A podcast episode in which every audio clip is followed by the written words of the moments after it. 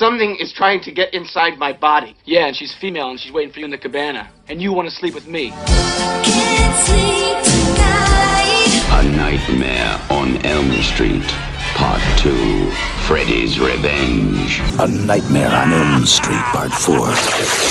The Dream Master.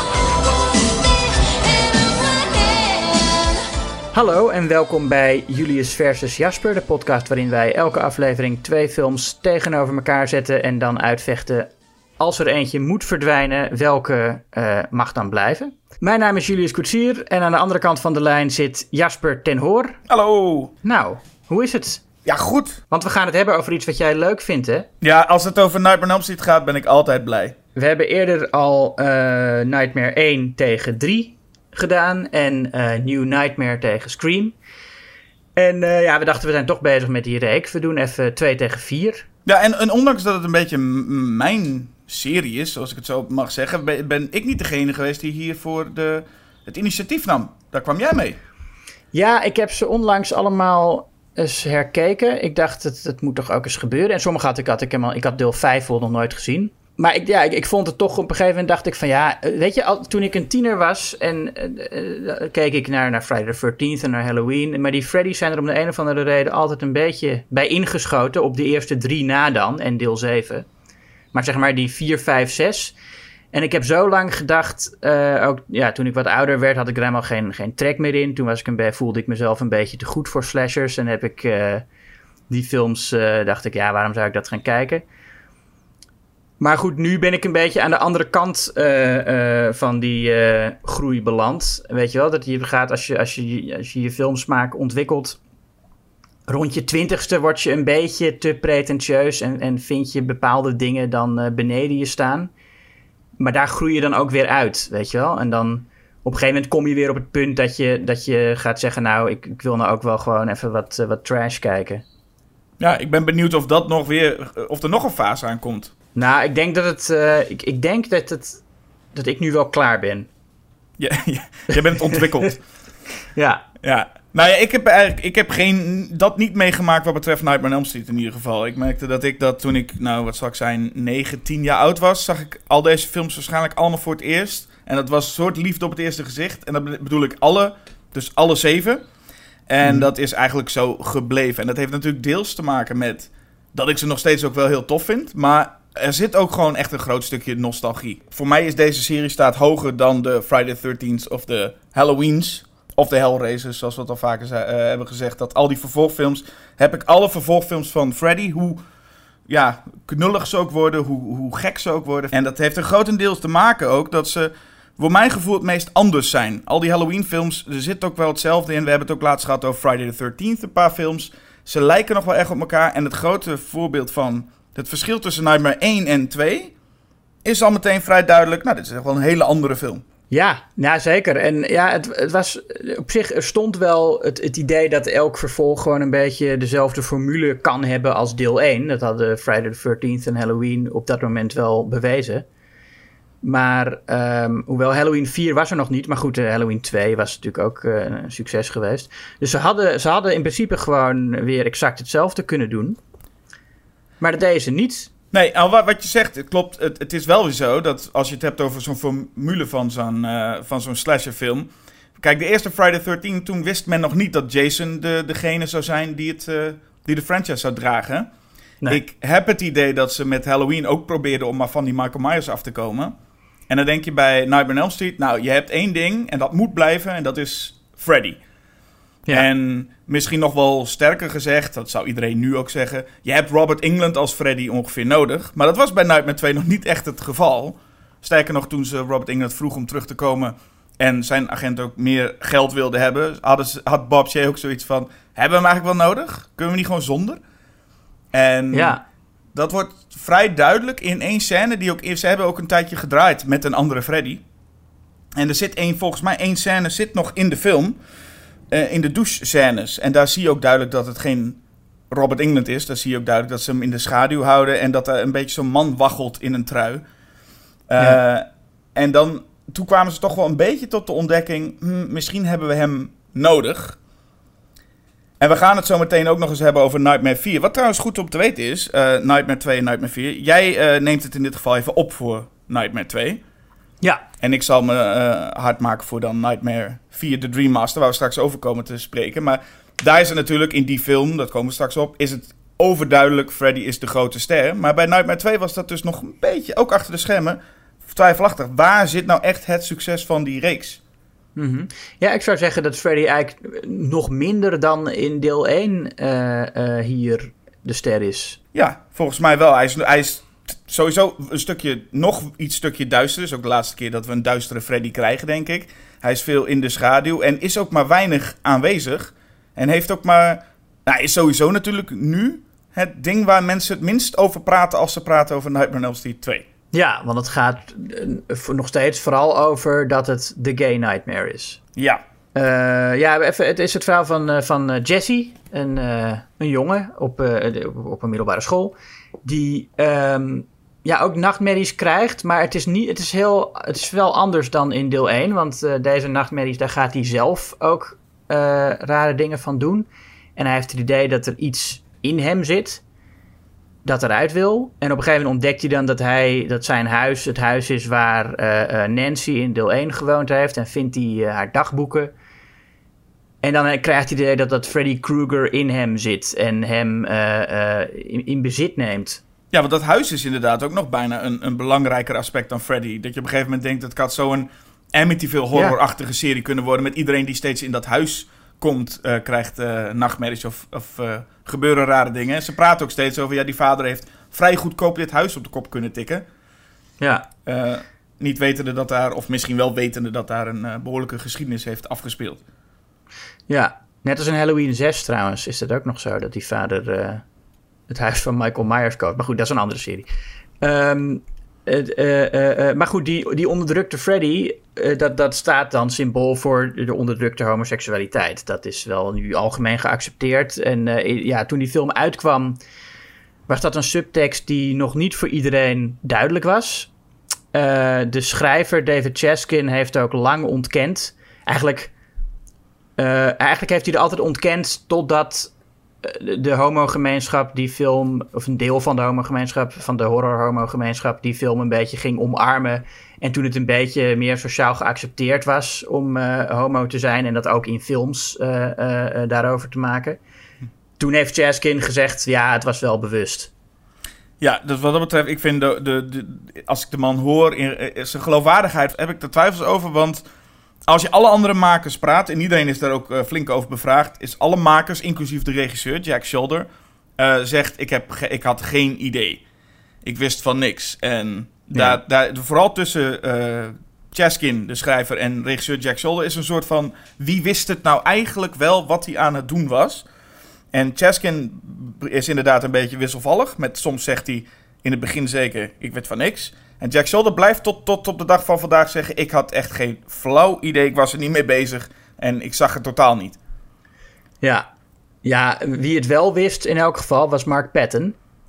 Die zelf ook homo was in de kast. En is nog steeds trouwens, nu uit de kast. Eh, nou is hij eh, activist, hij is geen eh, acteur meer. Maar hij had echt gehoopt met deze film een soort doorbraak eh, te hebben. Hij had eh, eh, Brad Pitt en, en Christian Slater hadden ook auditie gedaan. Nou, die waren toen natuurlijk ook nog niet bekend. Maar die had Mark Patton verslagen. En ehm, ja, hij, wilde heel graag een filmster worden. En zijn agent zei van ja, maar dan moet, moet je wel ook hetero kunnen spelen. Hè, want je, je, hij was nog in de kast, maar goed, hij had wel een, een soort feminine trekjes. En nou goed, toen deze film uitkwam, ehm, vond iedereen dat hij geen hetero kon spelen. Hoewel het personage niet expliciet homoseksueel is, ligt het er toch wel zo dik bovenop dat zijn eh, carrière toen eigenlijk gewoon voorbij was in Hollywood. En zijn, zijn eh, eh, woede, want dat, dat, dan, dat zien we in een vrij recente documentaire... Scream Queen... Scream Queen zie je ook dat zijn eh, boosheid vooral zich richt op David Chaskin. Die in interviews ook heeft aangegeven van... Ja, ik had dus wel subtekst, maar door eh, bepaalde keuzes... is die subtekst veel te veel in your face eh, naar voren ge- geschoven. En een van de redenen die David Chaskin daarbij noemde was dat ja, je hebt een hoofdrolspeler. En als een hoofdrolspeler gilt als een meisje, dan, eh, ja, dan vraag je er ook om. Zoiets in die Ja. lijn.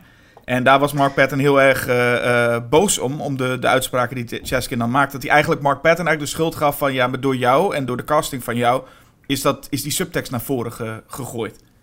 Ja, terwijl Patton het eerder zag van... eh, door dit script is mijn carrière verloren gegaan. En, ehm, en, en, en daarnaast had, had Chaskin ook later, toen hij de subtekst wel begon te erkennen... eh, gezegd dat het, eh, dat het een soort homofobe subtekst was... En dat, het, eh, dat ze die film bij conversion therapy zouden kunnen laten zien. Ja, want wat er eigenlijk gebeurt, hè, is een, een, een, er zit iets kwaadaardigs in hem. Ehm, en dat neemt hem op een gegeven moment over, hè, Jesse dus. Maar aan het einde van de rit, zo legt Chaskin het dan uit, aan het einde van de, van de eh, komt de, de vrouw. En die door hem de liefde te verklaren, geneest die hem. Dat is eigenlijk wat je kan zien. Ja, dat, was ook, dat stond ook echt in, eh, in, in een van de, voor mij de eerste recensie die ik las. Hè, toen in, in begin jaren 2000 waren er heel veel eh, eh, eh, horror sites waar iedereen maar elke, elke oude horrorfilm ging regisseren, eh, recenseren. Ehm, en een daarvan was, was Arrow in the Head. En dat was eigenlijk mijn soort eh, eh, eh, gateway naar de fanboy filmkritiek. En in die, in die recensie van eh, eh, eh, Freddy's Revenge stond ook van... eh, ehm, All he needed was the love of a good woman to get him on the straight path. En, wer- en het stond daar gewoon volkomen serieus. Weet je, begin, begin jaren 2000 was dat. Ehm, ja, toen- toen, toen kon je dat nog opschrijven. Een, een andere lezing is natuurlijk dat, net zoals in de eerste film, is de subtekst dat omdat de ouders Freddy Krueger hebben geprobeerd eh, eh, te ontkennen. Hè, ze, hebben, ze hebben die vermoord en niet aan hun kinderen verteld dat daar ooit iets gebeurd is. Ze proberen dat hele trauma te onderdrukken. En daardoor komt hij terug. Zo kun je de eerste film lezen. En zo kun je ook in de tweede film lezen dat omdat Jesse zijn homoseksualiteit probeert te onderdrukken en in een, in een, in een, in een gezin leeft waar beide ouders ook eh, ontkennen dat er iets met hem is. Zijn vader die, die zegt de hele tijd: eh, All he needs is a good kick in the butt. En zijn moeder wil hem naar een psychiater sturen. En ze gaan helemaal niet eh, gezond om met die situatie. En omdat Jesse dat zo onderdrukt, daarom komt het juist als monster naar buiten. En dat maakt het lastig, want het is natuurlijk allemaal subtekst. Omdat er nergens echt wordt verteld, eh, dit is het geval. Of je, je, je kunt de film kijken zonder überhaupt iets daarvan mee te krijgen. En ik als kind had het ook echt, ik had niks ervan door. En ik vond alles ook vrij logisch. Eh, van, van, van dat sch- hoge schreeuwen van Jesse had ik ook. En, en, en van alle dingen, als hij nou he- gaat dansen op, op zijn, eh, in zijn kamer. Eh, va- va- nou, e- eigenlijk alle momenten die, die had ik toen helemaal niet door. En ik denk dat er heel veel jonge kijkers waren die echt geen idee hadden. Dat gaat helemaal, dat gaat helemaal over je heen. Ja, zeker in de jaren tachtig. Die dansscène die erin zit, eh, waar, waar Jesse zijn kamer opruimt en een dansje doet, dat is eh, een soort verwijzing naar Risky Business. En die film had volgens mij ook niet tot gevolg dat Tom Cruise door iedereen als homo werd gezien. Dus ik kan me best voorstellen dat je zo'n scène opneemt eh, en, ook kijkt zonder dat je in de gaten hebt eh, wat het representeert. Het is meer in, de context, als je alles bij elkaar optelt, is het wel duidelijk. En op een gegeven moment dan eh, is Jesse heel bang en dan komt hij bij zijn vriend Ron, Robert Russler. En dan zegt hij van, eh, eh, nou, dat hij bang is en zo. En dan zegt hij, something is trying to get inside my body. En dan krijg je eigenlijk de meest, de meest expliciete verwijzing als Ron dan antwoordt, eh, eh, something's trying to get inside my body. Yeah, she's female and you want to sleep with me. En, oh ja, nou, ik zeg dat dat de meest expliciete verwijzing is. Eigenlijk de meest expliciete verwijzing is natuurlijk de nachtmerrie in de eh, SM-club... waar eh, de coach ook eh, naakt vastgebonden wordt in de douche en, eh, en billenkoek krijgt. Nou, en sowieso, eigenlijk vrij snel in de, in de, in de film krijgen we al Jesse's eh, blote reet te zien. En voor een slasher is, zit hier ook helemaal geen vrouwelijk naakt in. Wat je meer bij de Friday 13 zou verwachten. Maar hier zit, er zit er eh, eh, behoorlijk wat mannelijk naakt. Ja, Van zowel Jesse tot ook de coach, die wordt ge, gestraft inderdaad, opge, ehm, vastgebonden in de douche. En dan vervolgens krijgt hij billenkoek. En wordt aangevallen door zijn eigen ballen. ja. nou ja, als je dat filmt... dan eh, eh, kan het toch niet echt aan je voorbij gaan dat er homoseksuele subtekst is, lijkt me. Nee, of je moet, en dat is wat de, de eh, Joel Sousin, de, de producent, die zei dat hij deels deze scène had geregisseerd. En dat hij het terugkeek en zei: Oké, of ik was ongelooflijk naïef, of ik was ongelooflijk gay. stiekem. Want hij dacht nu ook terugkijkend, en dat kan natuurlijk wel, dat ze allemaal terugkijken en denken: Ja, nee, je hebt eigenlijk wel gelijk. En de meesten geven dat ook toe. Van als je dit zo allemaal bekijkt achter elkaar, dan denk je: Ja, hoe konden we dit nou niet weten? Maar eh, heel Ja. vaak probeerden ze gewoon wel een spannende. eh, gewoon een spannende horrorfilm te maken, eigenlijk. En dat is dan. ja, bepaalde keuzes zijn wel bijzonder. Ja, Maar ik durf Nou nog ja. wel te stellen dat het voor een groot deel ook wel toevalligheden bij elkaar zijn. Nou, Freddy is natuurlijk sowieso wel een eh, vrij expliciet seksuele schurk. Ook in de eerste film dat hij zo zijn tong uit de telefoon steekt en roept I'm your boyfriend now. Eh, en op die manier kun je dit ook wel lezen van dat, dat Freddy al zijn slachtoffers op die manier benadert. En op het moment dat hij met een van zijn messen aan zijn vingers eh, eh, Jesse's mond binnendringt hè, en zo heel dicht bij hem staat, dan kun je denken, ja, dat, dat doet hij met, eh, met, met heel veel slachtoffers, gaat hij op die manier om. Ja, in principe zou als hij ja, inderdaad dat. dat eh, het is ook vrij nieuw, eh, het feit dat er dus een, een, een male final girl is eigenlijk. Die was, dat, dat is er sowieso niet heel veel. Ja, En daar is Jesse er dan een soort van één van, hoewel ze aan het einde toch proberen om Lisa, zijn, zijn liefde, toch een beetje die algemene rol te geven van ik moet het, de, eh de slechterik verslaan. Ja dat gaat een beetje verloren daar. Ja, maar sowieso is het een beetje, want hè, dat, is ook een van de dingen. Kijk, Nightmare on Elm Street 2 werd toen die uitkwam vrij slecht eh, onthaald. En dat had eh, toen ook gewoon grotendeels te maken met... Als je het los ziet van alle subtekst... is er ook gewoon een film die de regels breekt van Wes Craven... die die in de eerste film heeft neergezet. En in deze film heeft Freddy ineens... en er waren natuurlijk nog niet zo heel veel regels... maar in deze film heeft Freddy ineens een soort avatar nodig... om in de echte wereld te komen en te kunnen moorden. Ja, elke film verandert de regels een beetje, toch? Ja, maar deze wel vrij sterk, omdat Freddy ineens een, een hele ander doel Hmm. heeft. Hij moet iemand overnemen.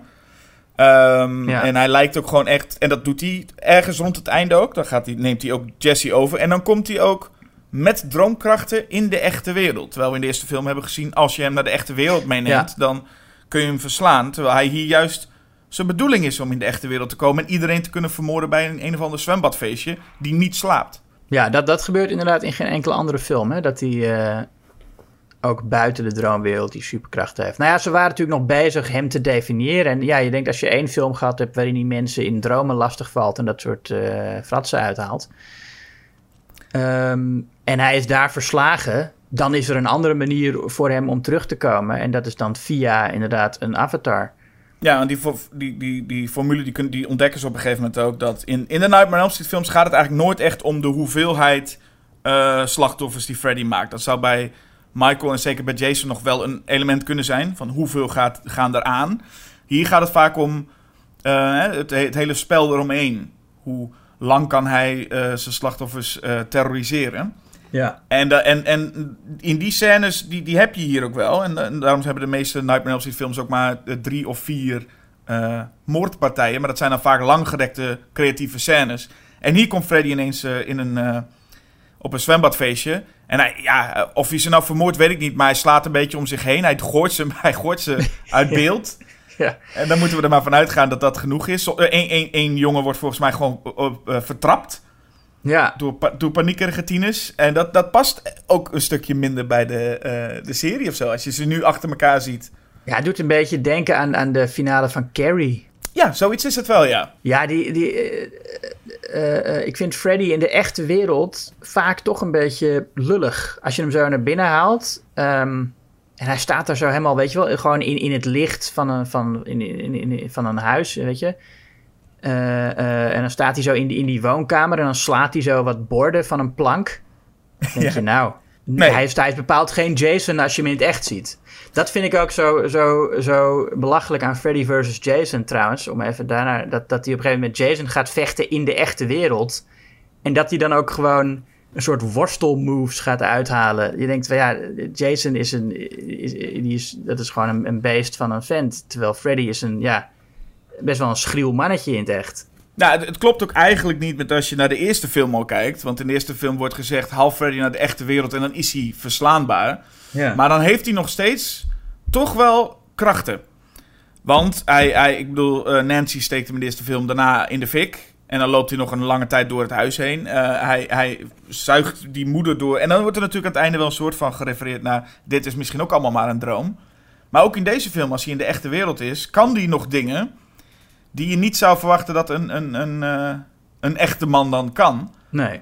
Dus hij heeft een soort van welkrachten, maar niet helemaal. En dan, want anders is het gewoon een oude, verbrande man... die eigenlijk best wel klein is... die tussen Ja. een hoop van die sterke tieners loopt. Ja. Ja, daar hoef je niet echt voor te vrezen volgens mij. Nee, precies. Je moet even oppassen voor die messen, maar verder... eh, Verder maakt het niet uit. En ik denk in de droomwereld, dat hebben we ook volgens mij wel eens een keer benoemd. In de droomwereld zou je bijna denken, ja, hij heeft die messen nog wel, maar dat eigenlijk slaat het nergens op. Die heeft hij niet meer nodig. ja. Want Nee, hij kan precies, alles ja. wat hij wil. Ja, waarom ga je dan nog mensen neersteken? Als je, men- als je, als je alles kan, dan, gaat, dan, gaat dan hoeft dat niet meer. Ja, dat was ook het grote probleem in de remake, hè? Dat hij eh, eigenlijk vooral die messen gebruikte in droomscènes en niet dat er eigenlijk nauwelijks creatieve setpieces waren. Nou, bij de remake werd het nog dommer, aangezien eh, eh, hij, daar werd gezegd dat hij geen kindermoordenaar was, maar een kinderverkrachter. Waarbij je helemaal afvraagt waarom hij dan überhaupt ooit dat wapen had bedacht. Nou, was het niet zo dat hij ze ook vermoordde? Ja, volgens mij niet, want volgens mij werden alle kinderen toen, werden, werden toen van de hele school gezegd van we gaan hem verbranden. En daarna moeten alle kinderen hun mond houden. En die kinderen gingen later pas dood. Oh, dat is, is dat het? Ja, ik heb hem te lang geleden gezien om... eh, ja. In de eerste film werd hij daadwerkelijk, was hij als mens, had hij dus een handschoen gemaakt met messen waar die kinderen mee vermoord. En dat hield hij dan maar gewoon, net als zijn hoed en zijn trui, gewoon maar aan. Eh, maar hij had die niet altijd nodig. Ja. Maar in de remake is het nog meest, ja, is het eigenlijk compleet onlogisch dat hij dat wapen überhaupt heeft. Ook als gewoon mens. ja. Maar eh, in deze film is het zo. Het is ook een beetje twijfelachtig of hij überhaupt in de echte wereld nu is. Want hij vlucht naar, de, naar, de, naar het zwembadfeestje. En dan gaat hij ook door een heg heen. En dat vliegt dan even in de fik. Dus in principe is hij nog steeds eh eh, boven natuurlijk. ja. En dan komt Lisa ook in, in, eh, op het industrieterrein waar hij dan moet zijn. En dan komen ineens van die honden met rare gezichten en zo. Ja, dat vond ik heel leuk. Dat is, dan, dan, is, dan wordt de werkelijkheid ook een soort droom. Eh, en dan heb je, ja, dus ook een beetje Argento-achtige kleuren worden daar opeens gebruikt. Ehm, dan heb je echt ja, het idee dat je in, in, in een meer surrealistische film bent beland. Ja, alleen dus niet een droomwereld en ook niet de echte wereld. Het is een beetje een twijfel waar we dan eigenlijk ons bevinden. De schemerzone. Wat ik sowieso van deze film vind, het is een ongelooflijke broeierige film. Ik heb dat altijd. Het is een hele hete film. Iedereen zweet heel erg. Ja, En, en, en, en dat je, ja, daar gaat de film volgens mij ook deels over. Op een gegeven moment wordt het heel warm in huis. En dan, ja, er, zijn, er gebeuren soms ook dingen. Op een gegeven moment raakt een vogel ehm, eh, overstuur. En die valt iedereen Ja. aan. en vliegt dan in de fik. En vliegt daarna in de fik. En dan En, denkt Jesse's vader dat Jesse dat gedaan heeft. Ja, en dan zien we daarna de dag daarna met de airco volgens mij eh, eh, prutsen. Of die vader stond continu met een, met een, met een eh, eh, schroevendraai in de weer om dingen maar te klussen in huis. Die er Ja, misgaan. want inderdaad, die vogel, die vogel vliegt in de fik en die vader heeft drie mogelijke verklaringen. Voor een vogel die dus eerst heel agressief wordt en vervolgens spontaan in de fik vliegt en ontploft.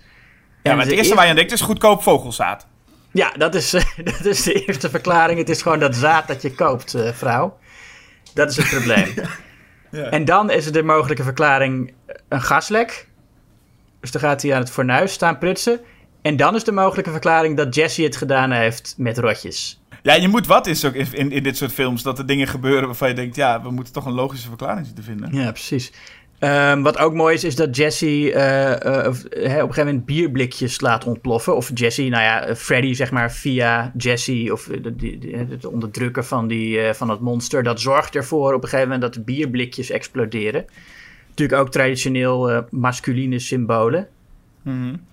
Ehm, dus ook, ook daarin zijn ze wel eh, eh, bezig. Je zei heel veel kleine details waarin je die subtekst kunt zien als je erop let. Ook dat bordje op, op Jesse's deur, eh, no chicks allowed. Ja, er staat ergens op de achtergrond een spel de- dat, dat Probe heet.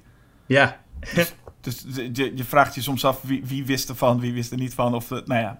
Ehm, Maar goed, de, de, de, de bekende scène met Marshall Bell hadden we het al over. Hè? Die, dat is sowieso eentje, dat is de, de coach. En het is ook wel een vreemde scène. En het nog, de, de producent Robert Shea staat ook even in een cameo achter de bar. In zijn, in zijn leren outfitje. Ja. En er wordt ook wel eens een heel leuk, leuk iets omschreven in de, in de documentaire Never Sleep Again. Dat eh, Robert Shea wilde altijd graag ook een rolletje in die films. En dat krijgt hij vaak ook, een bijrolletje of een cameo dan. En hij wilde eigenlijk de vader van Grady spelen. Maar toen zei Jack Sheldon van, nou, nee, daar wil ik wel echt een acteur voor hebben. Dus hier heb ik wel een rol voor jou. Ga maar, ga maar, koop maar een leren SM-pakje. En dan mag je achter de bar gaan staan. En eh, ik weet niet, dat, dat idee vind ik gewoon altijd nog heel leuk. Dat je dan tegen een producent toch kan zeggen van... Weet je, ik heb wel een leuke rol voor je. En dan staat hij dan in zijn mooie leren pak. Ja. En, eh, en daar wordt de coach inderdaad... ehm, nou ja, en dat, en dat is toch ook wel een, een, een bijzonder type. En eigenlijk een van de weinige slachtoffers in de film. Ja. Nou, weinig. Aan het- aan het einde maakt Freddy wel meteen een heleboel op dat feestje. Maar hij is een van de weinige echte nightmare set pieces. Ja, waar de film echt eventjes gaat, eh, zo- eh, zich opbouwt als zo'n echte nightmare scène. Er beginnen langzaam dingen te bewegen en dan alles komt op een gegeven moment tot leven. En eh, ja, alleen Freddy doet daar dus niet heel veel toe. En sterker nog, Robert England is überhaupt niet in die scène betrokken. Dus eh, eh, je ziet er maar weinig van. Alleen Jesse, die uiteindelijk dus zijn hand, de handschoen van Freddy aan heeft. En, een, eh, en een harde gil geeft. En er wordt wel heel veel gepraat over, over eh, Mark Patton en zijn harde, eh, zijn vrouwelijke schreeuwen. Maar wat vaak nog wel vergeten wordt, of vergeten wordt. Ik vind Mark Patton over het algemeen acteert hij echt fantastisch. Ja, ik Vind vond hem heel goed. Ja, ik vind eh, eh, ja, sowieso de, de, de eerste twee, of misschien wel de, nee, de eerste drie Final Girls van Friday eh, vind ik echt goed. En, ja, Nightmare ik- bedoel je? Van, ja, van Nightmare bedoel je, ja, sorry.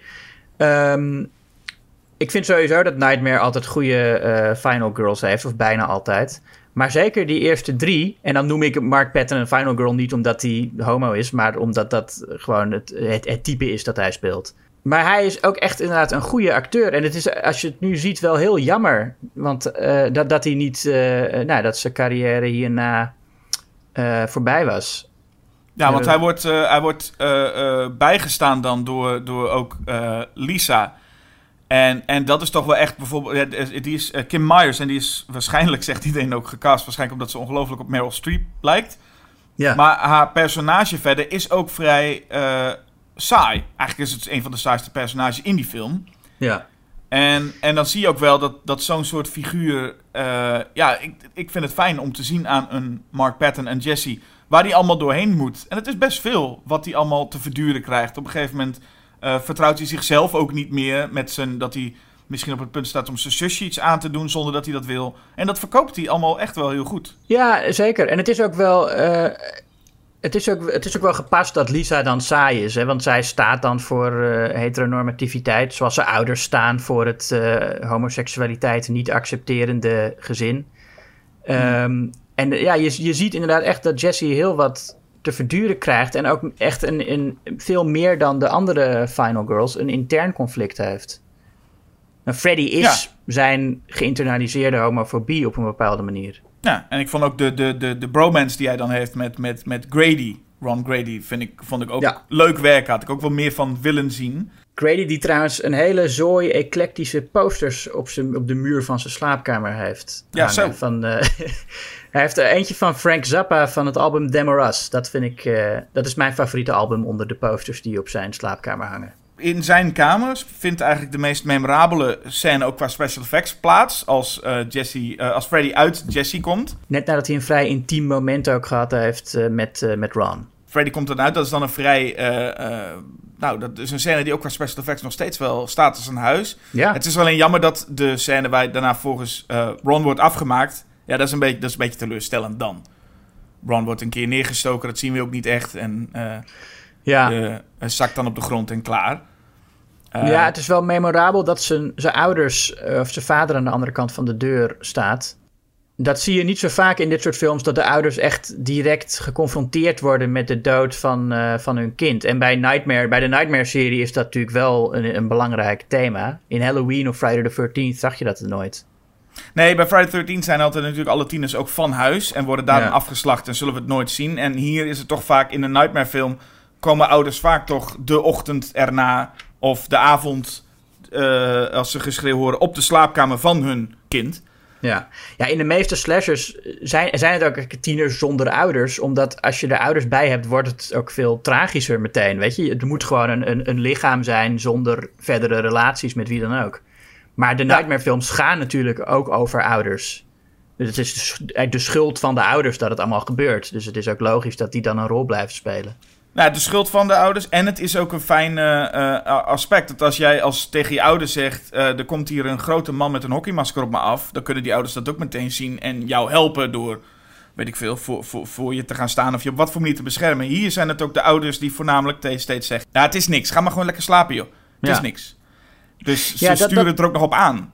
Dat maakt die film denk ik ook nog wel, die films, dat ze de tand destijds wat, wat beter doorstaan dan veel andere slashers. Dat daar een thema in zit waar elke tiener zich mee kan identificeren. Van dat Ja, je ouders je niet geloven en niet te vertrouwen zijn. Nee, en je hebt natuurlijk de, de, hè, de, daarom zeggen ze ook vaak, de, de autoriteiten, de polities zijn in dit soort films vaak eh, een beetje dommig. Want anders wordt het, is het, gaat het snel, wordt het te snel opgelost. Ja, En, en ouders zijn vaak wat dommig. Maar hier is het ook zo dat zelfs in een tijd met mobiele telefoons of wat dan ook, het maakt niet uit. Want Freddy in dromen eh, blijft een concept wat gewoon altijd kan. Eh, al, al, al, Ja. al zoals in, in deel 1 laat, eh, laat ehm, eh, Wes Craven het al zien door een van zijn personages in de gevangenis te hebben. En dan denk je, nou daar ben je dan sowieso veilig. En nee, want daar slaap je ook. ja. Nee, wat dat betreft is de tijd denk ik ook wel rijp voor een, voor, voor een goede remake. Met ja, de manier waarop, waarop tieners zich nu tot volwassenen verhouden. Eh, ik denk dat daar eh, eigenlijk misschien wel nog meer eh, frustratie in zit dan hoe dat in de jaren negentig was. Ja, en in principe heeft David Chaskin ook wel gelijk. Hoewel ik hem niet volledig die credits zou willen geven. Maar een Nightmare on Elm Street film leent zich ook heel goed voor dat soort thematieken en, en subtekst in, in zo'n film, die relatie. Dat is een veel meer dan een Friday the 13th. Dat zou Ja, zeker. hebben. Nou, ik denk dat, dat elke slasher zich er in principe voor leent.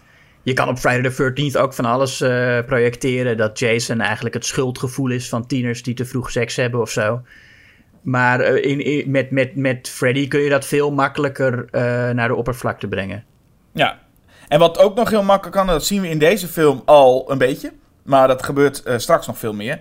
Is ehm, dat dit ook voor visuele regisseurs en vooral make-up mensen ook een heel groot plezier is. Ja, We weten natuurlijk van Friday the 13 dat een, eh, een Tom Savini die wel wat make-up effecten kan, eh, kan doen. Maar hier kun je helemaal los. En in Nightmare 2 zie je al meteen een, een stapje bovenop eh, de, de eerste film. De openingsscène vind ik nog steeds fantastisch.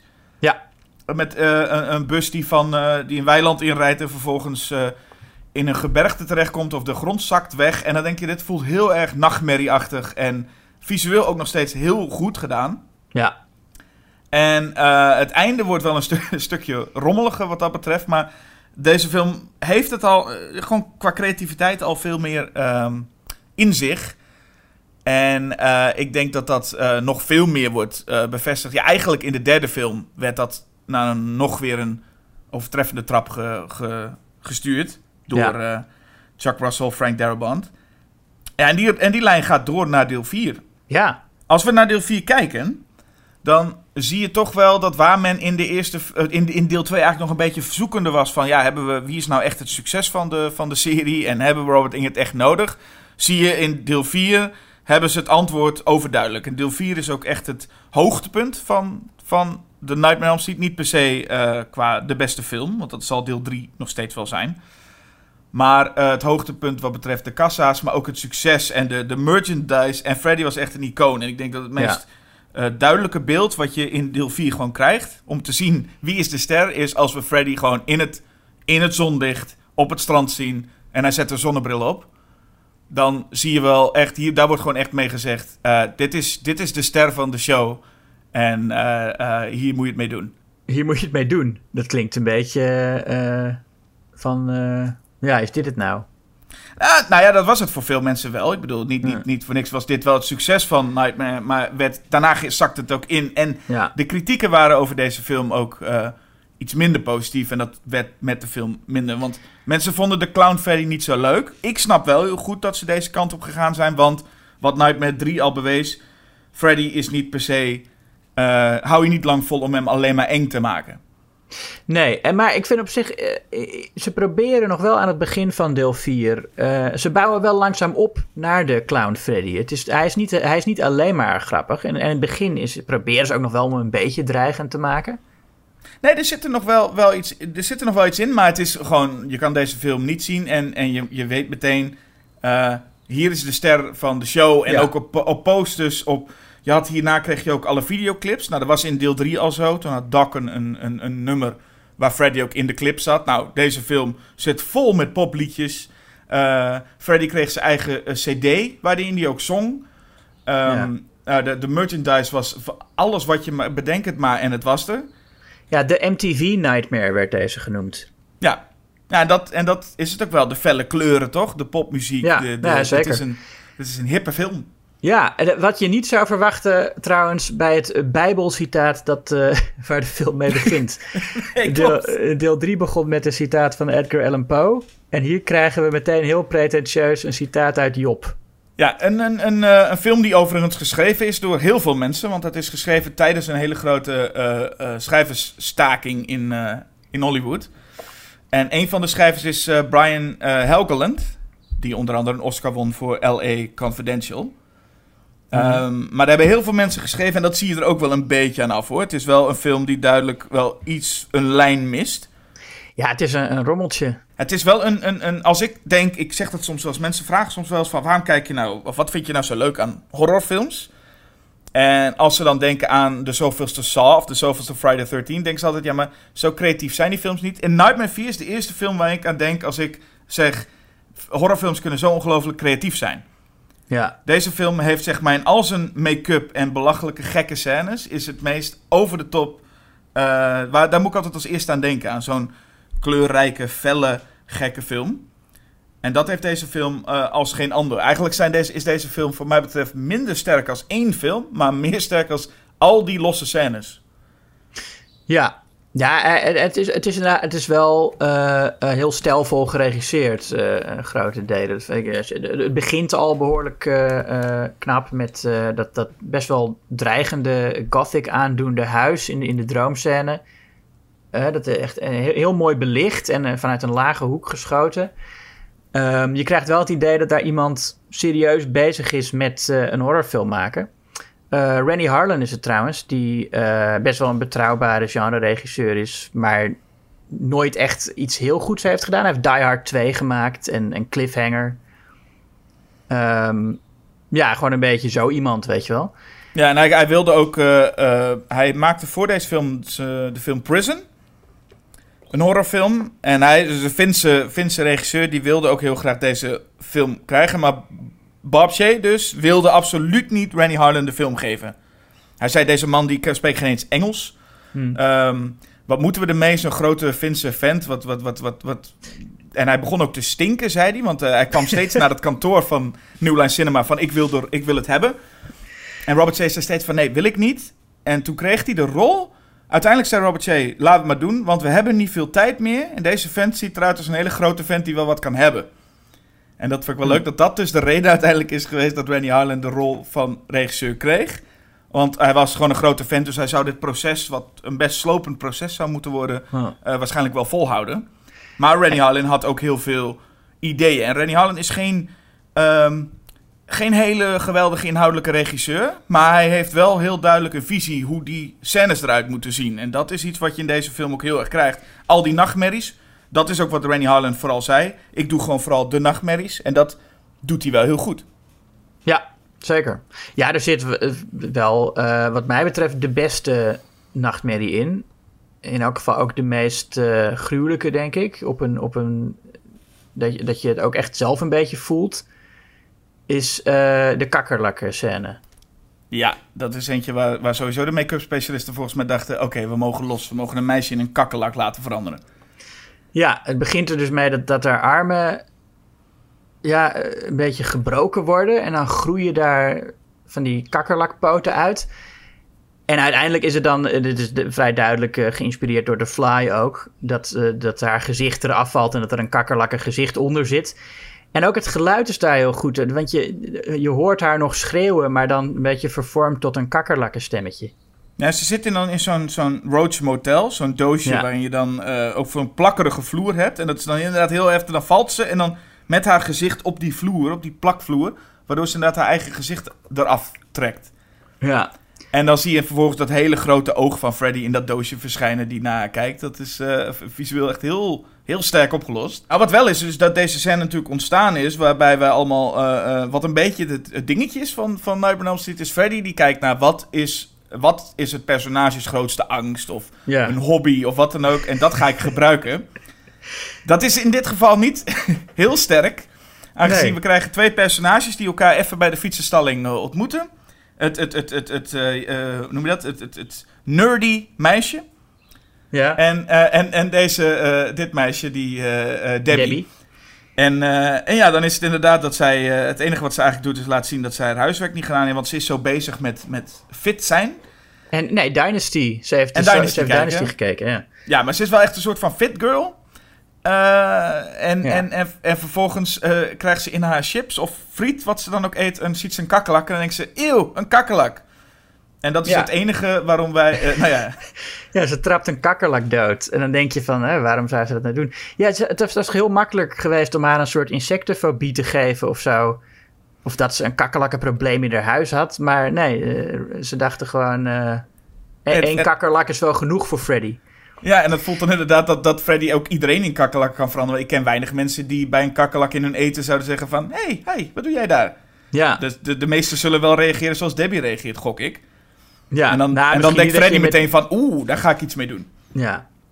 Nou ja, ze, ze, ze trapt hem wel met heel veel eh afgrijzen doods. Dat die andere gast nog eh, zegt tegen haar van... eh, give a bug a break. Ja, precies, hij hoeft niet zo dood. Ja. Maar over maar- die kakkerlak, want dat eten, dat is, dat is wel iets raars. En Wat eet ze nou? Ja, dat weet ik dus niet. Ik heb het op pauze gezet en ik kon het echt niet identificeren. Je denkt eerst dat het chips is, want ze eet het uit een zak. Maar ze eet ook uit een zakje dat ze in een bruine papieren zak heeft gestopt. Dus alsof het, alsof het alcohol is of zo. Alsof, alsof het iets is wat je niet zou mogen eten. Ja, en het ziet eruit als een soort... eh, ik had het idee van een gedroogde vrucht. Nou ja, het is, snoep- ik denk gewoon een soort snoep dat toen eh, populair was in Amerika. En iets waar kakkelakken in ieder geval ook dol op zijn. Ja. Dan. Maar het is, er is nog iets voor te zeggen. Ze is natuurlijk eh, dat een andere. eh, iets wat haar wordt meegegeven is dat ze dus heel erg met haar lichaam bezig is. Ze is ook aan het gewicht heffen op het moment dat Freddy haar aanvalt. Ja. Je zou er nog van kunnen maken dat door haar te transformeren, haar lichaam te transformeren, dat het ook iets zegt. Eh, Ja. Maar uiteindelijk gaat het natuurlijk gewoon om die kakkelak. En dat geldt eigenlijk voor iedereen. Iedereen krijgt een zinnetje met jij bent dit. En vervolgens, nou ja, pakt Freddy je op dat, op dat aspect. Wat dus betekent, hè, eh, Joey uit eh, de derde film, die komt even terug, die houdt van eh tieten. Dus ja. Ja. uit- uiteraard krijgt hij weer een, eh, weer, eh, een, eh, een, blo- een blote dame. En het, de nerdy girl houdt van studeren, dus die krijgt eh, tijdens het studeren of tijdens een tentamen. Zo, zo werkt Freddy Nou, gewoon. Zij, gaat- zij heeft eh, astma en dan zuigt Freddy eh, de lucht uit haar. Oh ja, dat ook. Maar ze wordt ook nog aangevallen door een of andere technische robotarm. Ja. Omdat zij een soort van eh, wetenschapper is. Eigenlijk had, had Freddy daar kon hij niet echt kiezen. Hij denkt, oh, dit meisje heeft wel veel meer dingen wat ze leuk vindt. Ik, ik, nu moet ik kiezen. Nou, dat doe ik ze allemaal maar. Maar goed, dat, dat is een beetje Freddy werkt. Hij kijkt volgens mij naar de tieners. Hij kijkt soms ook maar heel kort waarschijnlijk. Hij zag één keer een kakkelak vertrapt worden. Hij dacht, ik weet genoeg. En Ja. hij ging hij naar de tekentafel om een hele eh, creatieve eh doodscène te, te bedenken. Ja. Ja, daar hij toch, wel gaat goed toch werk in zitten. Er ging wel werk in zitten. Behalve bij eh, Rick, eh, de, de, de, eh, de broer van Alice. En, en, en de vriend van Kristen, die we uit de, eerste, uit de derde film ook zien. Alleen dit keer geen Patricia Arquette. Maar gespeeld door Tuesday Night. Ja, die ook het openingsliedje zingt. Ja, en het is, ik, er is nog steeds niet helemaal duidelijk waarom Patricia Arquette niet terugkeren. Daar, daar blijft iedereen altijd een beetje vaag over of weet ze niet precies. Het is wel ergens jammer, want ik kan me best voorstellen dat je deze film een tijdje kijkt en denkt... Oh, is dat hetzelfde meisje? Dan moet, dat is wel Ja, toch lastig om af en toe... Maar dat is wel, het is een beetje de, de, het vervolg waarin de, de overlevenden van de vorige film terugkomen. Maar dan komen ze wel terug om allemaal afgemaakt te worden. ja dat, vind ik, eh, dat vind ik eigenlijk het, misschien wel het meest eh, jammeren aan deze film. Ik vind het toch vrij cynisch. Kijk, in Friday the 13th 2 kun je dat maken, maar hè, dat, dat Alice eh, doodgaat in de eerste scène. Maar ik vind hier, om, om die Final Kids van eh, Nightmare 3 terug te brengen en als eerste te laten sterven, eh, ik vind het toch niet fijn. Nee, het is ook een beetje. Ja, nee, ze worden ook echt wel vrij snel. Worden ze er. eh, Ja. eh, ehm, gaan, ze, gaan ze eraan.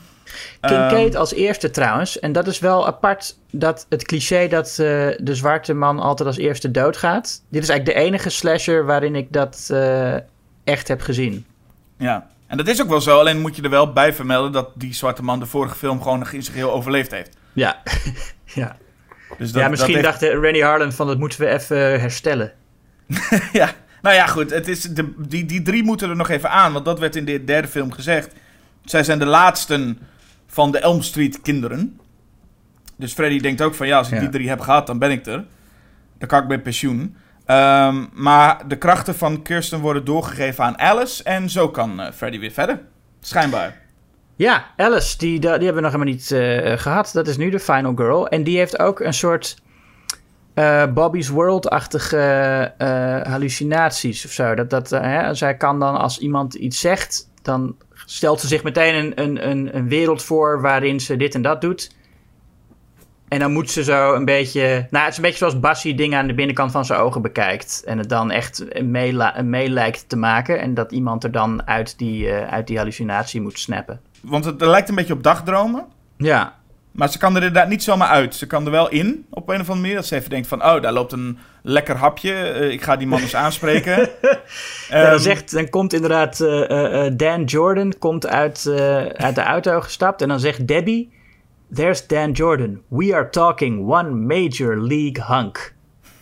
En dan gaat Alice zich voorstellen dat ze tegen Dan zegt... hey, you're one major league hunk. En zo gebruikt ze ze ook als ze met haar vader, een, een, eh, een, een- nogal een, eh, een dronken klootzak eh, die nogal asociaal is, dat ze ook tegen haar vader ingaat. En dan gaat ze ook even, in Ja. haar dagdroom gaat ze even tekeer. Eh gewoon, ze doet eigenlijk alles wat ze, nou ja, in, in het echt zou willen doen. Maar dat, dat, nou ja, ze is een beetje, ze, ze heeft soms lichtelijke Carrie-trekjes. Ja, ze is gewoon een beetje een, een, een stil muisje wat eigenlijk wel meer zou willen zijn dan dat. En dan krijgt ze dus krachten, droomkrachten, waardoor ze eh, nou ja, meer durft. En het uiteindelijk dus ook wel tegen Freddy kan opnemen. Ja, en ze heeft dat dan. Er is iets met de, met de Dream Master. Hè? Dat, is, dat is een soort rijmpje. Er zit een heel rare dialoog in tussen haar en Alice. Die mij ook een beetje aan, aan een soort eh Jallo-dialoog doet denken op de een of andere manier. Het lijkt alsof het geschreven is in het Engels door iemand die. Nou, het, is een, het, is het is een droomachtige dialoog of zo. Het gaat. Did you ever hear of the Dream Master? Sounds like a game show host to me. No, it's a rhyme. You just have to dream about someplace fun. Remember, you're in control. Dat rijmt al niet. Je denkt van, ze gaat nu dat rijmpje zeggen, maar dat doet ze niet. En dan, ze- en dan is het laatste... How do you know so much about dreams? Dat is toch gek? Want zo, dat, je hebt helemaal niet bewezen dat je veel over dromen weet met, dat, eh, met die uitspraak. Maar dat rijmpje krijgen we nog wel te horen. ja, natuurlijk. uiteindelijk herinnert ze zich dat rijmpje inderdaad. Het, het, is, het is een rijmpje. Ah, daar komen we zo wel op, want dat rijmpje heeft natuurlijk invloed op het einde van, eh, van Freddy. Één- laten we één stap terugnemen naar het begin van Freddy hier. Om even, want hij moet eerst nog terugkeren. En het, ik moest wel lachen. Er was een eh, anekdote dat James Cameron was ondertussen met zijn film Terminator 2 bezig of zo. Ik weet niet met welke film die bezig was. En die kwam in gesprek met de makers. En die vroeg van, hey, hoe gaan jullie Freddy dit keer laten herreizen? En toen zei Randy Harlan, a dog pisses fire. Dat was het. Ja. En eh, nou, dat, dat klopt inderdaad. Dat is ook eigenlijk letterlijk wat er gebeurt. Een, een hond die, eh, die Jason heet, overigens. Oh, Een witte oh hond ja, met ja, is zwarte... zo. Een witte hond met zwarte vlekjes, eh, genaamd Jason. Dat is wel een leuke knipoog. Die plast vuur in de droom van Kincaid. De, de, de... En dat is ook nog wel leuk. Ik vind dat het wel leuk dat ze nog wel wat continuïteit hebben. Want hij is begraven. Eh, en eh, in het auto, op het autokerkhof in deel 3. En daar komen ze nu ook terug. Dus het is altijd wel leuk dat ze niet gewoon Freddy ineens bam, daar is hij weer. Ze laten hem Ja. wel op een of andere manier met een beetje continuïteit. En dan zie je een scène die, nou ja, waarbij je echt kan zien dat Hellraiser populair was. Want de manier waarop Freddy weer terugkeert is, is heel, erg, eh, heel erg Hellraiser. dat zijn, zijn vlees en, en, en, en bloed, dat wordt weer in zijn lichaam gezogen. Dat voelt heel erg als, als Frank die opnieuw eh, terugkeert Ja, in, in die film. En, waar je het ook nog heel duidelijk kan zien, ineens hangt de boiler room hangt ineens vol met kettingen. Wat Oh ja, ook ja. compleet eh, onlogisch per se is. Maar ja, Hellraiser was populair, dus laten we ook maar kettingen ophangen. Zo, le- zo le- leren, lenen die films zich heel veel bij elkaar. Ehm, maar dat is een moment dat, dat Freddy terugkomt. En dan- je ziet steeds een beetje afwisselend een hele grote toffe scène of iets kleins. Hè? Freddy die terugkeert, dat is groot, bombastisch, toffe effecten. Kincaid wordt gewoon neergestoken. Zeg zo'n, hij, hij krijgt alleen maar even vier messen in zijn buik, punt. ja. En zo werkt die film eigenlijk hè, een paar hele grote scènes... waar we al de kakkelak-scène, een van de bekendste, hebben besproken. Maar dan krijg je dus ook Rick, hè, de, de, de, de broer van dus. En toen was het geld op. En zijn sterfscène is echt het meest, meest belachelijke ooit. Hij moet vechten met een onzichtbare Freddy. Ja, hij is into kung fu. Tenminste, eh, ik weet niet in hoeverre dat echt serieus is. Want als hij Alice een, een kung fu les probeert te geven... dan denk je wel van, nou, volgens mij eh, heb je gewoon een paar Jackie Chan films gezien of zo... en doe je hem nu na. Maar hij is in elk geval eh, into kung fu... en dan moet hij inderdaad met een onzichtbare Freddy eh, het gevecht aangaan. Ja, ze hebben gewoon wat... wat dat, dat was letterlijk ook dat er geen geld was. Ik bedoel, soms zeggen mensen dat als, als stukje kritiek. Maar het was letterlijk, er was geen geld over. Dus ze hebben wat doeken opgehangen. En eh, die wapperen een beetje in de wind. En je ziet hem een beetje vechten in het niets. En je hoort ondertussen Robert England eh, zijn audio die alleen maar doet... Ra, ra, ra. Nou, dat, dat is... eh, en dat is dan de scène. Dus ja, goed. Ik, ik snap het ergens wel. hoor, Dat soms is het geld op. Maar daar krijg je wel weer... dat Rick daarna wel weer verschijnt in een grote m- moord-slachtoffer pizza.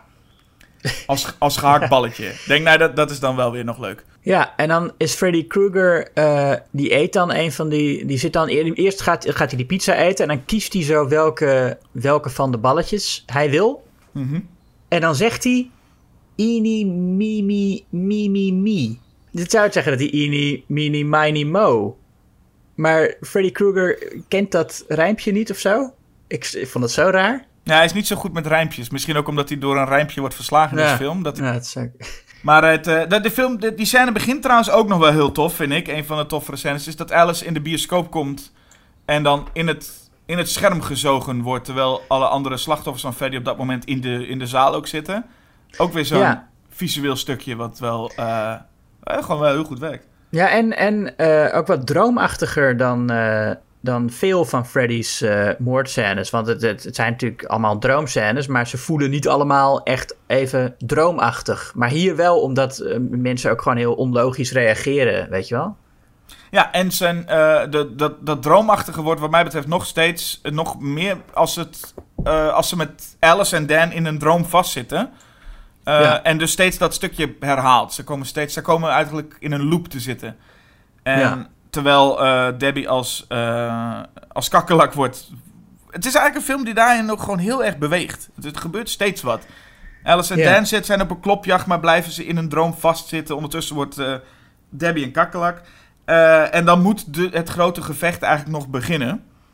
Hoe dat nou precies allemaal werkt met wie er op welk moment in slaap valt, dat is eigenlijk ook niet helemaal duidelijk. Hè? Want Debbie is dan in slaap gevallen tijdens het gewicht heffen. En, en Alice en Dan zijn ook, die, gaan, die moeten naar haar toe, maar dan vallen ze ook in slaap of zo.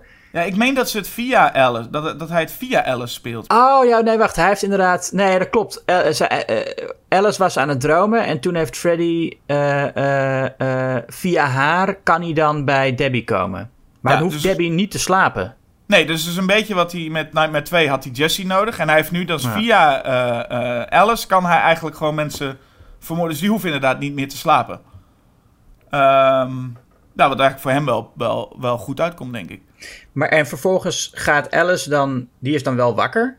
Ja. Maar die zit dan alsnog ook in die droom als ze in die tijdloop terechtkomt. Want zij zit met Dan in een, in een droom vast. En dat scheelt natuurlijk, hè, want Dan, die, hè, die Major League Hunk. Nou, dan weten we natuurlijk allemaal dat, die de, dat die, als die erbij is, die gaat de wereld wel redden. Die, eh, dat is wel een nuttig personage, dus die komt wel. eh, hè, die komt de vrouw wel beschermen.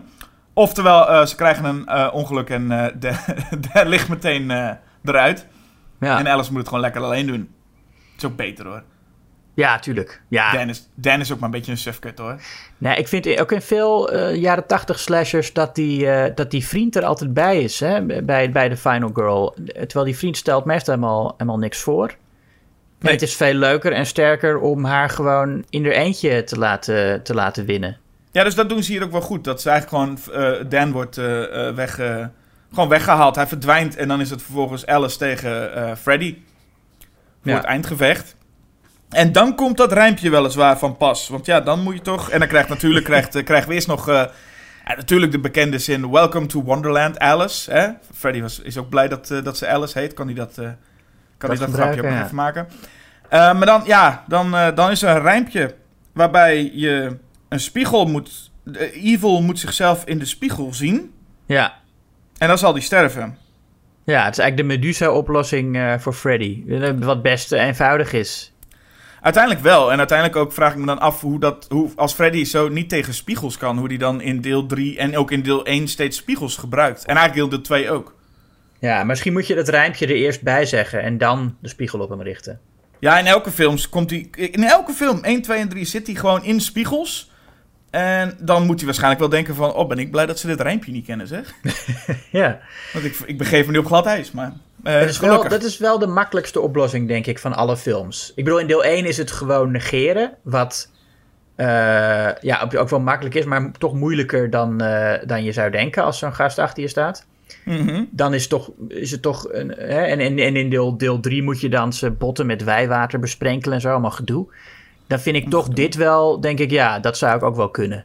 In deel 2 moet je ermee zoenen en zeggen dat je van hem houdt. Ja, oh ja, ja dat, dat is ook vies. Nee, dat, is ook dat wil je vies. ook niet. Dus dan heb ik liever gewoon altijd een spiegel bij me. Ja, en dat rijmpje moet je dan goed, moet je wel onthouden. Ja, dat is nog wel een ding. Maar goed, wat, het, is, en dat heeft elke Nightmare on Elm Street wel een beetje last van, omdat het zo, zo'n fantasiewereld is, heb je dan wel vaak het idee dat ze met het einde ook vaak niet helemaal weten hoe of wat. Maar wat ze hier gewoon wel wisten is, ja, dat rijmpje, die spiegel, dat is een beetje stom gelul. Maar het einde van Freddy is dan wel weer meteen vrij bombastisch en ook wel heel tof uitgevoerd. Met Ja. alle handen die uit hem komen. En daar denk je wel, oké, dat, dat, eh, eh, dan ben ik ook wel weer vergeten dat het om zo'n stomme spiegel ging. Ja, en al die als de slachtoffers worden bevrijd van hem. Ja, Wat ook wel weer een soort, eh, voor een slasher een verrassend happy end geeft. Want hè, dat al, alle mensen die hij vermoord heeft, nou, komen niet weer tot leven, maar hebben wel een soort vrede. Ik weet niet waar ze dan nu zijn, in de hemel of zo. Ja, maar het is ook heel kut. Je zal maar door Freddy vermoord worden. Dat is al kloten. Maar je moet je voorstellen dat je dan de rest van de tijd in zijn, in zijn buik of borst zit. Ja. En je, dat je gezicht er doorheen moet drukken van help.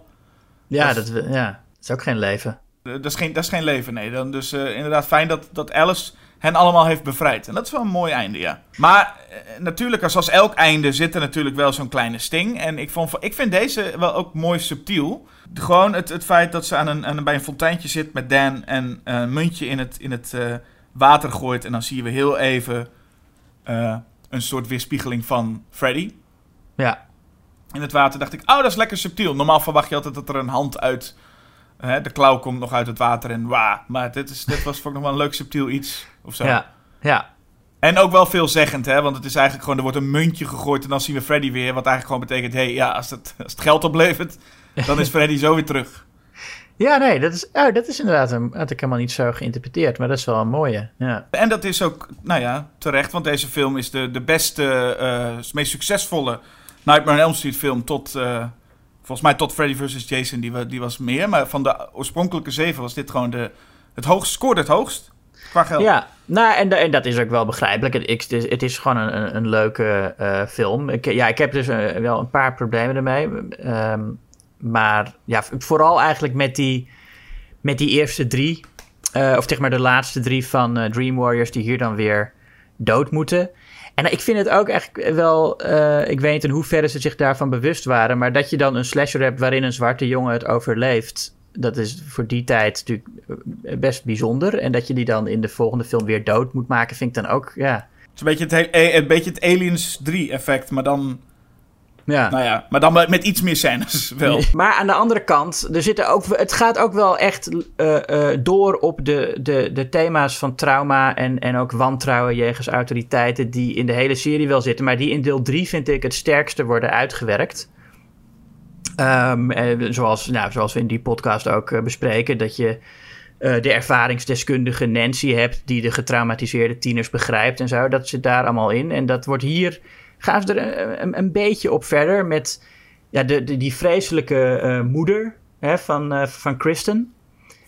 Die hier nog meer over de top eh, vreselijk wordt neergezet dan in deel 3 al. Dat ze, de, Kristens eh, vrienden zijn net dood. En dan is ze daar een beetje chagrijnig. En dan zegt die moeder, you're just tired. En dan geeft ze de dochter stiekem slaappillen. En ja, en dan vind ik op zich... eh, oh ja, en, en dan zegt eh, Kristen nog... eh, ehm, dan zegt ze sorry dat je stiekem slaappillen hebt gegeven. En dan zegt Kristen van ja, uh, sorry that you and your tennis spells torched this guy and now he's after me. En dat is een van de weinige momenten in de reeks dat de kinderen echt expliciet tegen de ouders zeggen van je had dat niet moeten doen en het is jouw schuld dat ik nu doodga. Ja, precies. Van je wordt bedankt. Ja, en ik vind het wel fijn dat die ouders dan toch nog een, een beetje een guilt trip eh, krijgen. Want Maar dat is voor de meeste ouders natuurlijk zo. De meeste ouders treffen hun kind gewoon dood aan. Maar Freddy zal nooit echt het statement hebben kunnen maken van... ja, dat had je niet moeten doen. Ja. En hier, eh, eh, we, we zien eh Kristen's moeder niet reageren. Maar ik vind het wel, wel fijn dat ze nog even met haar neus op de feiten gedrukt wordt. En ik vind Alice's vader wat dat betreft ook een leuk personage. Want hij is juist, ja, eerst natuurlijk echt een... Hij wordt eerst neergezet als een dronken klootzak. Maar als dan zijn zoon Rick doodgaat... wordt hij opeens heel beschermend naar, eh, naar Alice... Ja. En dan gaat hij daarin ook te ver. En dan zegt hij van, eh, I, lost Rick because I didn't watch him. I don't want to lose you. En dan wil hij er binnen houden. En dan is hij ook nog steeds hartstikke dronken natuurlijk. Ja. Ehm, dus die slaat dan weer ver- te ver de andere kant op door. Ja, en dat is iets wat eh Wes Craven in de eerste film ook wel een beetje had. Hè? De, de dronken moeder die Ja. dacht het beste voor haar dochter te doen. En de vader. Daar is toch wel een thema dat steeds in die films doorgaat. Met ouders die maar denken het beste te doen. En hoe ze Ja. daar dan ook, eh, ja, eh, hoe, ze ook helemaal de plank mis kunnen slaan daarin. Wat ook een eh, thema is dat telkens terugkomt... is dat Freddy bitch zegt. Dat was Ja? in deel 3... In deel drie, eh, zegt hij één keer volgens mij... Welcome to prime time, bitch. En dat was... En hij, en hij schrijft het een keer op Joey's buik. Come and get him, Oh, ja. bitch. Nou ja, ja. En dat was, volgens mij was het daar nog niet, eh, nog niet de bedoeling dat Freddy iedereen een bitch vindt of zo. Maar was dat gewoon toepasselijk voor die scènes. Maar dat werd een beetje het grote Freddy-ding. En in deel 4 zie je wel dat het echt zo is. Dat hè, iedereen noemt hij een bitch. En in deel 5 en 6 doet hij dat ook weer. Ja, dat Eh. werd een beetje zijn catchphrase.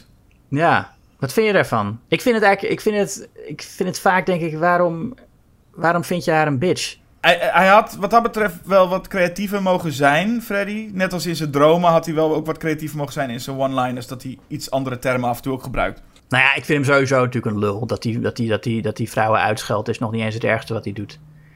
het, is niet het, al- het is niet het allerergste. Hij heeft wel eens ergere dingen gedaan, dat is waar. Ja, maar dat vind ik wel echt hoor. Ik vind Freddy wel natuurlijk. Kijk, met Jason en Michael, eh, die, daar, die zijn gewoon leeg, weet je wel. Daar gebeurt niks achter dat eh, gezicht, zeg maar. Maar Freddy is de, is de, de, enige van de.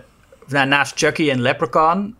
Maar goed, van, van de grote drie, zeg maar, is Freddy de enige slasher die echt een sadist is. En ja, goed, je zou van Hellraiser, de Cenobites kunnen zeggen dat ze ook sadistisch zijn, maar die hebben nog een soort religieus principe of zo, weet je. Pinhead, eh, je ziet hem eigenlijk niet echt heel erg genieten van dat hij mensen martelt. Hij doet dat gewoon omdat het zijn werk is. Maar Freddy, die... Nee, het is echt zijn werk, dat is het vooral. Ja. Bij Pinhead wordt ook zelfs een keer eh, dat hij eh, een meisje niet vermoordt. Omdat hij zoiets heeft van, nee, maar dit is niet degene die ons heeft opgeroepen. Ja, precies. Dat zou En- en- Freddy dus nooit doen. En, en, en, nee, en, en Chucky heeft op een of andere manier ook wel een, een doel. Hè? Die moet uit dat lichaam komen of zo. Dus hij, natuurlijk Ja. is dat wel een klootzak.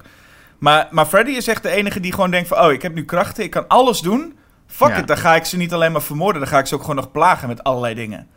Ja, en zo ga je gewoon niet met mensen om, vind ik. Nee, dat, dat, dat, is eh, dat is ergens wel waar. Maar ik vind het wel heel fijn. En ook omdat gewoon Freddy, wat je zegt, hij, doet er zo, hij steekt er zoveel moeite in. Hij vindt het ook zo. En dat wordt zeker in Nightmare 4 en 3 eigenlijk ook al. Hij heeft er zoveel plezier in ook. En Ja. hier is het ook. Dan is hij op een gegeven moment heeft hij Kristen vermoord. En dan laat hij zo'n ansichtkaartje achter. Met dat hij dan met, met, hem, met haar op de foto, met dan zo de tekstje See you in hell. Dan denk ik, hij, Ja. hij denkt overal gewoon over na. En hij heeft er gewoon volgens mij ook lol in. Ik zie hem al helemaal, dat hij, oh, dan denkt hij, oh, dan ga ik hier zo'n leuke foto achterlaten. Met een tekstje erop. ja. En Ik weet niet, hij is, ehm, het, het is inderdaad ongelofelijke klootzak. En je moet ook echt niet een film krijgen waarin ze proberen hem heel sympathiek te maken. En dat doen ze gelukkig ook bijna niet. Ehm, maar ik vind het wel leuk dat hij er ook echt plezier in krijgt of zo. Waar die in Nightmare 2 nog iets, iets ontbreekt, hij, heeft hij hier nu wel echt dat je denkt... Oh, wat, eh, hij doet niks liever. Nee, ja, ik, ik waardeer het ook wel hoor, dat hij er zoveel moeite in steekt. Dat is, dat is, eh, Maar ik vind hem soms eh, irritant. Hier al. Ik vind in, in deel 3 heb je eigenlijk de. Dat is de beste Freddy voor mij. En hier begint hij soms dat ik denk van ja, oké. eh, en dan heb ik het niet over, over inderdaad hoeveel moeite hij erin steekt. Maar gewoon die one-liners en die, en die knipogen. Begint me hier al een beetje op de zenuwen te werken. Ja, het is hier wel echt, hij is hier wel de grootste, de, de, de popster eigenlijk. Ja, het is ook, dit is ook de eerste film waarin hij een rapnummer op de aftiteling heeft met eh, de Fat Boys. Nee, en wat dat betreft is de marketing. En dat zien we ook aan de, aan de, als je eh, verder gaat. Maar dat zullen wij ook nog zeker wel in, het, eh, in de toekomst gaan doen. Nog even. We hebben nog twee films in principe te gaan. Ja, de oorspronkelijke zeven. Dus we zullen dat zeker ook nog doen. En dan zie je ook dat er wel een, dip komt in de serie. ja.